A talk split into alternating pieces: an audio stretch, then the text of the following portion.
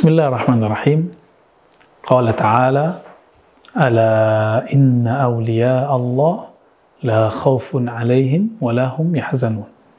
Sahabat yang melekan Allah, petikan surat Yunus tadi mengajarkan kita bahwasannya Allah Ta'ala mempunyai kekasih. Bahasa Arabnya aulia. Jadi jangan diterjemahkan aulia itu orang yang bisa terbang, orang yang bisa menghilang. Itu lain lagi ya. Aulia berarti ahibba, kekasih-kekasih Allah. Orang tidak mungkin mencintai, mengasihi Allah jika tidak mengenal Allah Subhanahu wa taala. Karena mereka mengenal Allah bahwa Allah itu sangat menjaga hambanya. Allah itu sangat loyal kepada hambanya, sangat karim kepada hambanya, maka kekasih yang sudah mengenal Allah pasti jatuh cinta kepada Allah dan muncul trust, kepercayaan, rasa yakin di dalam dirinya kepada Allah. Keyakinan ini menumbuhkan sebuah natijah la khaufun alaihim la hum yahzanun. Mereka tidak ada rasa takut, tidak ada rasa galau, tidak ada rasa sedih yang berlebihan. Sahabat-sahabat yang makan Allah, kenapa mereka mendapatkan ini? Ini dikarenakan mereka innalladzina qalu rabbunallah summastaqamu.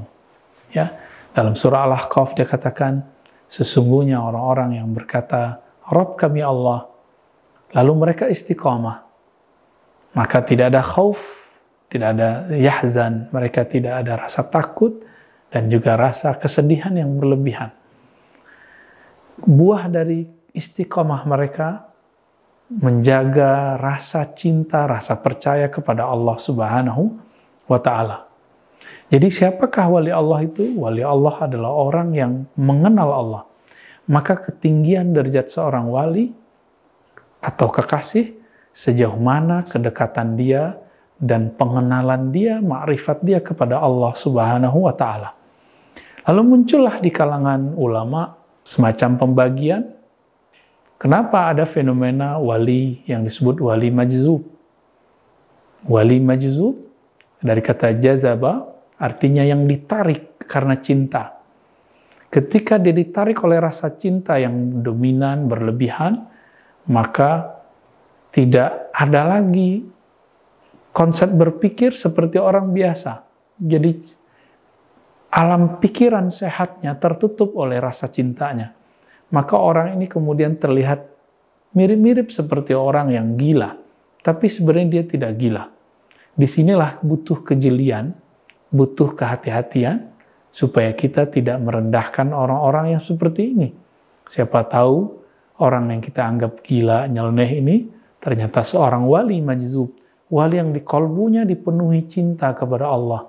Karena jangankan cinta kepada Allah, seorang laki perempuan jika cinta kepada sesamanya, sesama makhluk, apa yang terjadi? Maka dia akan mengalami kasmaran. Jika sudah kasmaran, maka akan muncul semi-semi kegilaan dalam mencintai kekasihnya. Eh, rasa percaya diri, memosting, eh, berdua, dan segala macamnya. Teman-teman yang melakukan Allah, jika cinta ke makhluk bisa seperti itu, apalagi cinta kepada Khalik, yang sangat loyal kepada makhluk. Ini disebut wali majzub. Ada karakter wali yang biasa kita fahami, yaitu wali masyhur.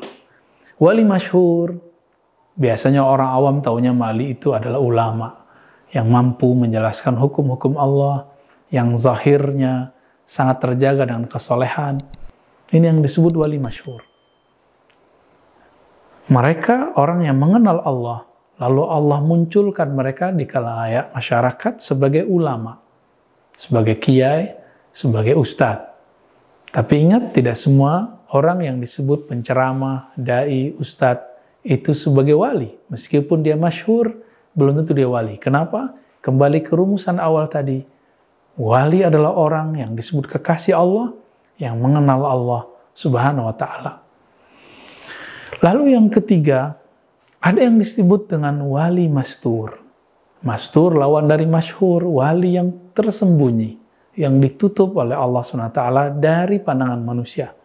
Ada sebagian orang yang berlebihan menganggap wali itu mesti mastur, mesti tersembunyi. Tidak. Wali itu kadang seperti kita, makan kayak kita, minum seperti kita. Dia juga mungkin sehari-hari berkelakar seperti kita. Bahkan mungkin dia bermaksiat seperti kita. Tapi kolbunya mengenal Allah Subhanahu wa taala, ruhnya merindukan Allah Subhanahu wa taala sehingga setiap nafasnya selalu ingat Allah. Jika kita melihat Allah hanya pada time-time tertentu, waktu-waktu tertentu, berbeda dengannya. Di hampir setiap hembusan nafasnya, dia mengingat sang kekasih, Allah subhanahu wa ta'ala. Lebih kurang itu pembagian wali. Tapi teman-teman, yang melakukan Allah, wali itu tidak diangkat oleh jamaah. Tidak diangkat oleh masyarakat. Karena disebut pangkatnya awliya Allah, wali Allah, maka yang mengangkat hanyalah Allah. Lalu siapa yang tahu bahwa seseorang diangkat oleh Allah? Tentu keluarga-keluarga Allah. Ahlullah. Mereka yang kenal kepada Allah. Maka seorang wali akan mengenal jika ada wali yang diangkat. Mungkin ah, lewat pencirian kalamnya, lewat pencirian ma'rifat yang ajarkannya, atau memang bertemu secara rohani bahkan fisik dengan mereka nabi-nabi terdahulu itu bisa mengenal sesama mereka ketika bertemu di alam malakut jabarut. Sayyidina Muhammad SAW bertemu dengan orang yang belum pernah dia temui sebelumnya. Salah satu kuburan di daerah Yerusalem atau Palestina, ternyata di situ dia melihat seorang sosok yang sedang sholat di dalam kuburnya. Apa kata beliau? Marartu bi Musa wa huwa yusalli fi qabri. Hadis ini riwayat Imam Muslim. Aku melewati sosok Musa. Dari manakah Nabi Muhammad tahu itu Musa? Tentu karena ruh mengenal ruh.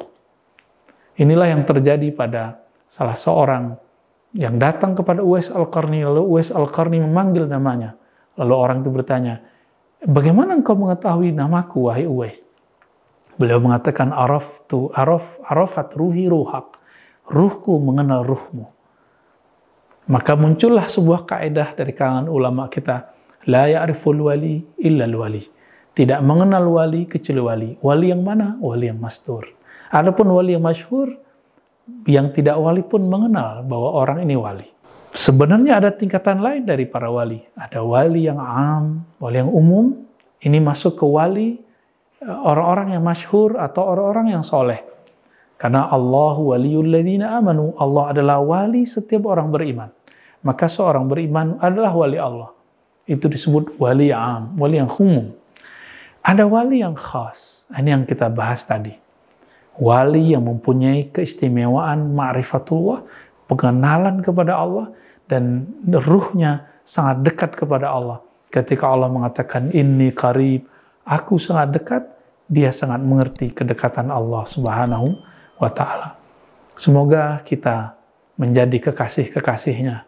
Semoga kita dapat mengenal kekasih-kekasihnya. Allah maja'alna min awliyaika wa hibbaik. Wa sallallahu ala nabi Muhammad. Assalamualaikum warahmatullahi wabarakatuh.